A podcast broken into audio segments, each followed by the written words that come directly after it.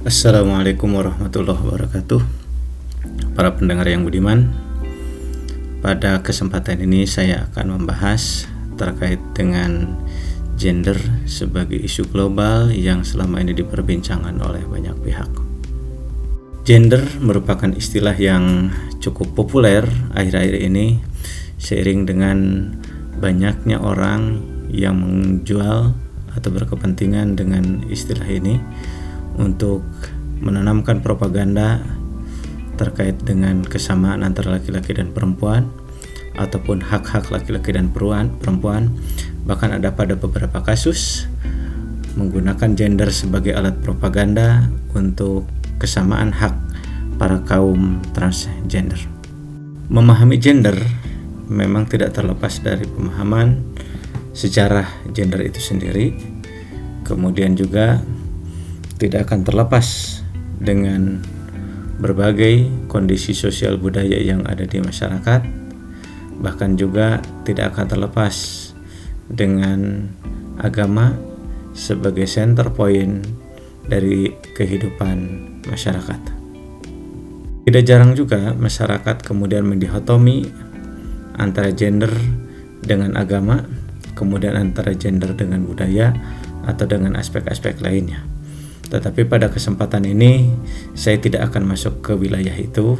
Saya akan coba menjelaskan tentang konsepsi gender yang akan dipelajari oleh mahasiswa di perguruan tinggi khususnya untuk program studi pendidikan masyarakat.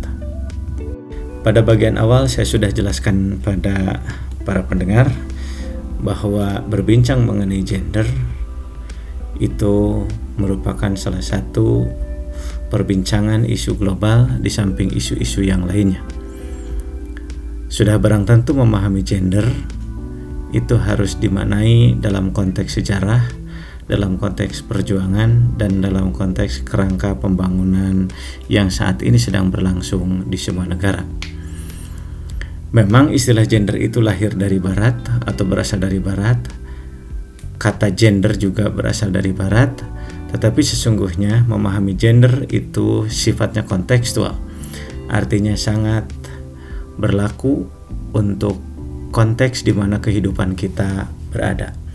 Memahami gender sesungguhnya adalah memahami diri sendiri, memahami hubungan antar individu dengan individu yang lain, memahami hubungan antara laki-laki dan perempuan, atau yang kita sebut dengan relasi antar laki-laki dan perempuan dan menempatkan relasi itu dalam sebuah kondisi sosial budaya. Gender dalam perspektif uh, biologis itu sebetulnya hanya membagi dua klasifikasi antara laki-laki dan perempuan. Bahwa kemudian ada secara sosio-psikologis ada yang disebut dengan kelompok transgender, maka secara biologis sebetulnya kondisi tersebut tidaklah ada.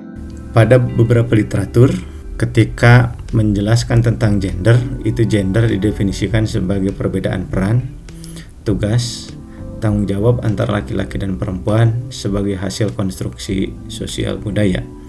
Ini menyangkut sesuatu yang pantas atau tidak pantas dilakukan dalam konteks konstruk sosial budaya.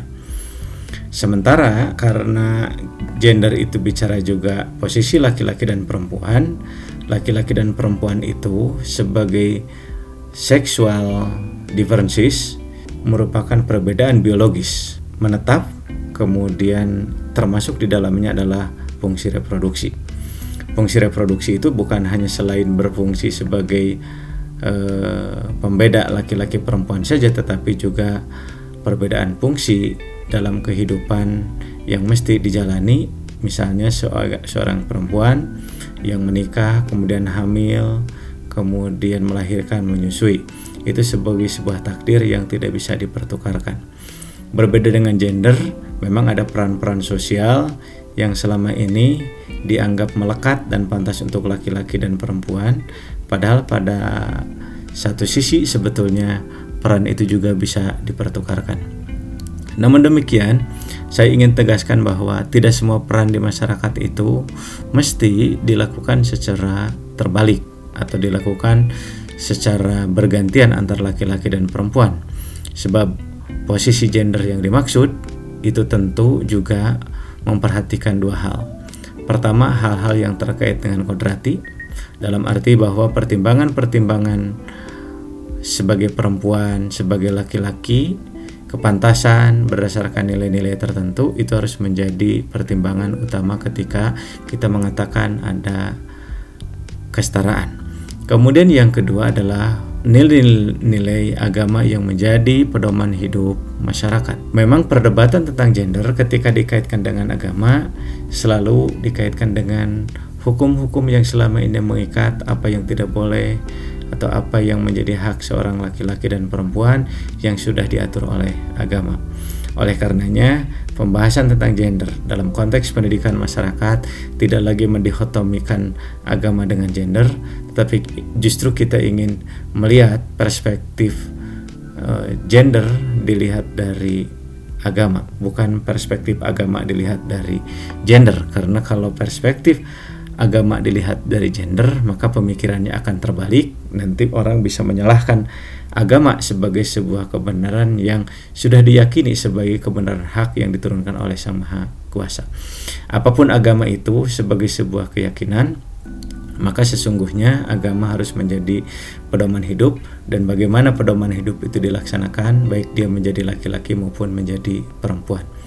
Oleh karena itu, dalam konteks pendidikan masyarakat sekali lagi ingin saya tegaskan, kita tidak lagi atau kita tidak bicara tentang dihotomi antara gender dengan agama, tetapi kita ingin melihat gender dalam perspektif agama sehingga kebenaran-kebenaran yang sudah diyakini sebagai kebenaran hakiki, kebenaran mutlak yang diatur secara nas dalam Al-Qur'an, kemudian juga sudah diatur atau ditetapkan melalui hukum-hukum yang disampaikan oleh Rasulullah, maka Tugas kita sebetulnya adalah memastikan bahwa hukum-hukum yang dilakukan itu adalah hukum-hukum yang betul-betul sesuai dengan asal Quran, kemudian tidak diberangi oleh campur tangan atas hanya kepentingan sesaat atau hanya kepentingan merasa dianggap sebagai sebuah ketidakadilan. Memang banyak yang kemudian melakukan serangan-serangan terhadap agama yang dianggap tidak adil dalam perspektif gender karena memahami gendernya secara letterleks artinya bagaimana membuat kesamaan antara laki-laki dan perempuan. Tetapi dalam agama sesungguhnya menempatkan perempuan sebagai perempuan sejatinya perempuan dan menempatkan laki-laki sebagai sejatinya laki-laki. Jadi menjadi laki-laki atau menjadi perempuan berbasis pada nilai-nilai agama. Serangan-serangan yang selama ini dilontarkan oleh para pegiat bahwa memang harus ada persamaan hak. Persamaan hak dalam konteks kehidupan mulai dari keluarga kemudian dalam ke, dalam kehidupan sosial termasuk juga dalam kehidupan beribadah. Hal yang paling sensitif misalnya terkait dengan isu poligami itu ya. Isu poligami menjadi bagian yang selama ini menjadi perbincangan hangat karena dianggap tidak adil bagi perempuan. Kemudian hal lain misalnya terkait dengan uh, hukum pembagian waris, kemudian juga terkait dengan masa idah yang itu dianggap kalau perempuan itu misalnya masa idahnya tiga bulan dalam arti dia setelah sudah menstruasi selama tiga kali. Sementara kalau untuk laki-laki tidak ada istilah masa idah hal-hal tersebut dianggap katanya dianggap tidak adil. Di samping itu juga terkait dengan imam sholat untuk uh, komunitas tertentu jadi ada keyakinan juga bahwa mereka berhak atau kelompok perempuan ini berhak untuk menjadi imam sholat bagi laki-laki. Padahal kondisi-kondisi seperti ini sebetulnya hukumnya sudah ditetapkan, sudah jelas dan bagi muslim itu sudah meyakini itu sebagai sebuah kebenaran. Sehingga apabila kita mendiskusikan hal-hal ini dalam perspektif gender, bisa jadi ini pers, uh, apa itu penilaiannya akan ke mana-mana. Oleh karena itu kita balik saja. Bagaimana kita melihat gender dalam perspektif agama perspektif nilai kultural kita. Kemudian kita ingin melihat bahwa apa yang menjadi kegalauan masyarakat itu bisa bisa memberikan solusi untuk menyelesaikan persoalan-persoalan yang dihadapi. Oleh karenanya, pembahasan tentang gender dalam konteks pendidikan masyarakat kita akan lebih kerucutkan pada bagaimana isu-isu gender yang terjadi di masyarakat dalam dilihat dari berbagai perspektif. Misalnya perspektif yang terkait dengan indikator-indikator yang menunjukkan bahwa perempuan itu misalnya tertinggal dibanding dengan laki-laki atau bahkan bisa sebaliknya laki-laki secara uh, kultural atau secara struktural itu misalnya tertinggal dari perempuan. Lalu apa yang bisa kita lakukan untuk membangun bahwa masyarakat tersebut menjadi masyarakat yang kuat baik untuk laki-laki maupun perempuan. Kehati-hatian memilih isu yang tepat saya kira ini menjadi hal yang juga perlu pertimbangan mengingat memahami gender dalam berbagai perspektif itu sudah barang tentu membutuhkan uh, referensi yang cukup banyak termasuk juga setiap orang dengan referensi yang berbeda mungkin akan memahami gender dalam perspektif yang berbeda. Oleh karena itu, perbincangan ini sebetulnya bukan menutup wacana tentang perdebatan atau diskursus tentang gender, tetapi mari kita mengambil peran dari perspektif apa kita melihat gender yang kita akan bincangkan. Saya ingin kembali ke pembahasan awal bahwa memahami gender sebetulnya memahami relasi antara laki-laki dan perempuan. Relasi laki-laki dan perempuan itu terjadi mulai dari dari lingkungan keluarga, kemudian lingkungan peer atau pertemanan, kemudian lingkungan masyarakat terdekat, termasuk juga lingkungan pendidikan. Nah, sudah barang tentu dalam konteks memahami relasi ini kita akan saling memberikan tafsir terhadap peran-peran yang pantas atau tidak pantas dilakukan oleh laki-laki maupun perempuan. Ketidakpantasan atau kepantasan yang melekat pada pem, pada pemikiran individu ini sangat dipengaruhi oleh cara berpikir individu itu sendiri. Apakah individu memang menempatkan uh, relasi hubungan sosial itu yang setara misalnya karena berbagai pertimbangan pengetahuan tentang agama, pengetahuan dari yang diperoleh oleh pendidikan atau kesadaran hak-hak yang selama ini dipahami gitu. Tapi juga ada juga yang memandang bahwa perempuan dianggap lebih rendah dibanding dengan laki-laki sehingga kita masih banyak menemukan misalnya dalam keluarga terjadi sebuah bentuk-bentuk perlakuan yang dianggap tidak adil bahkan cenderung untuk merendahkan salah satu jenis kelamin. Kondisi ini sudah barang tentu menjadi bagian khusus yang mesti dipelajari oleh mahasiswa di Departemen Pendidikan Masyarakat sehingga mahasiswa pendidikan masyarakat tahu betul bahwa ada isu gender di dalam keluarga yang bisa menjadi bahan diskusi dan bisa menjadi bahan advokasi untuk peningkatan kesadaran dalam membangun relasi yang setara antara laki-laki dan perempuan.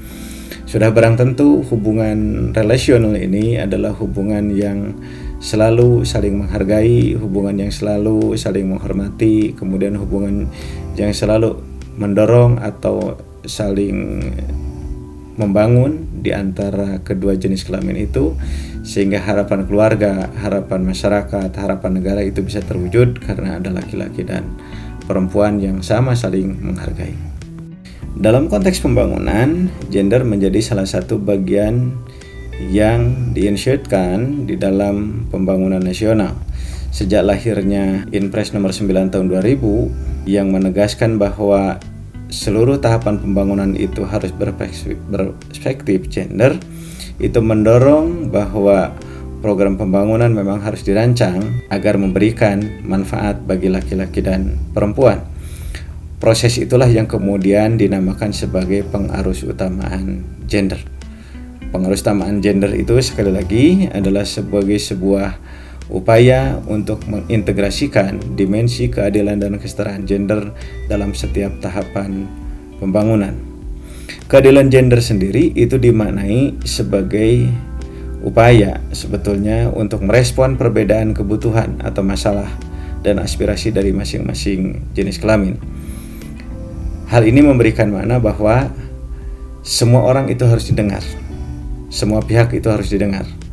Dalam konteks jenis kelamin sudah berang tentu kebutuhan antara laki-laki dan perempuan itu berbeda, maka respon pembangunannya juga belum tentu harus diperlakukan sama atau dibuat sama.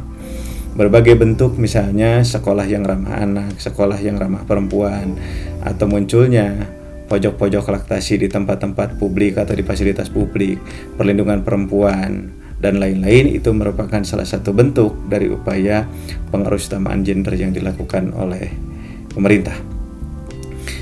Nah, hasil dari keadilan yang dibangun sesungguhnya itu ingin mewujudkan sebuah kesetaraan gender. Kesetaraan gender itu sebetulnya adalah kondisi di mana hasil pembangunan itu memberikan manfaat manfaatnya yang sama gitu. Prosesnya bisa dilakukan yang berbeda tetapi memiliki nilai manfaat yang sama kepada laki-laki dan perempuan. Paling tidak dalam konteks pembangunan itu bisa dilihat dari empat hal yaitu dari akses, partisipasi, kontrol, dan manfaat atau dikenal juga sebagai APKM. Analisis terhadap pembangunan selama ini memang kita selalu menggunakan analisis kuantitatif Misalnya berapa besar partisipasi perempuan di dalam kegiatan-kegiatan pembangunan? Apakah dalam kegiatan pembangunan pendidikan, apakah di pembangunan ekonomi atau di pembangunan lainnya? Dalam pendidikan misalnya yang paling mudah itu kita bisa lihat dari angka partisipasi kasar, angka partisipasi murni untuk semua jenjang dan jenis pendidikan. Kemudian dari ekonomi kita bisa lihat keterlibatan perempuan sebagai pelaku ekonomi misalnya pada sektor formal dan informal kemudian seberapa kuat laki-laki dan perempuan juga sama-sama membangun kekuatan ekonomi yang lebih baik. Jadi ketika berbicara tentang uh, kesetaraan gender sebetulnya bukan berarti semua perlakuan itu harus sama. Kemudian apa yang uh, bisa dilakukan oleh laki-laki dan perempuan itu adalah sama tetapi sesungguhnya kita ingin tegaskan bahwa laki-laki dan perempuan itu tidaklah sama, tetapi dia memiliki potensi dan potensi itu sebetulnya bisa difasilitasi dengan cara berbeda.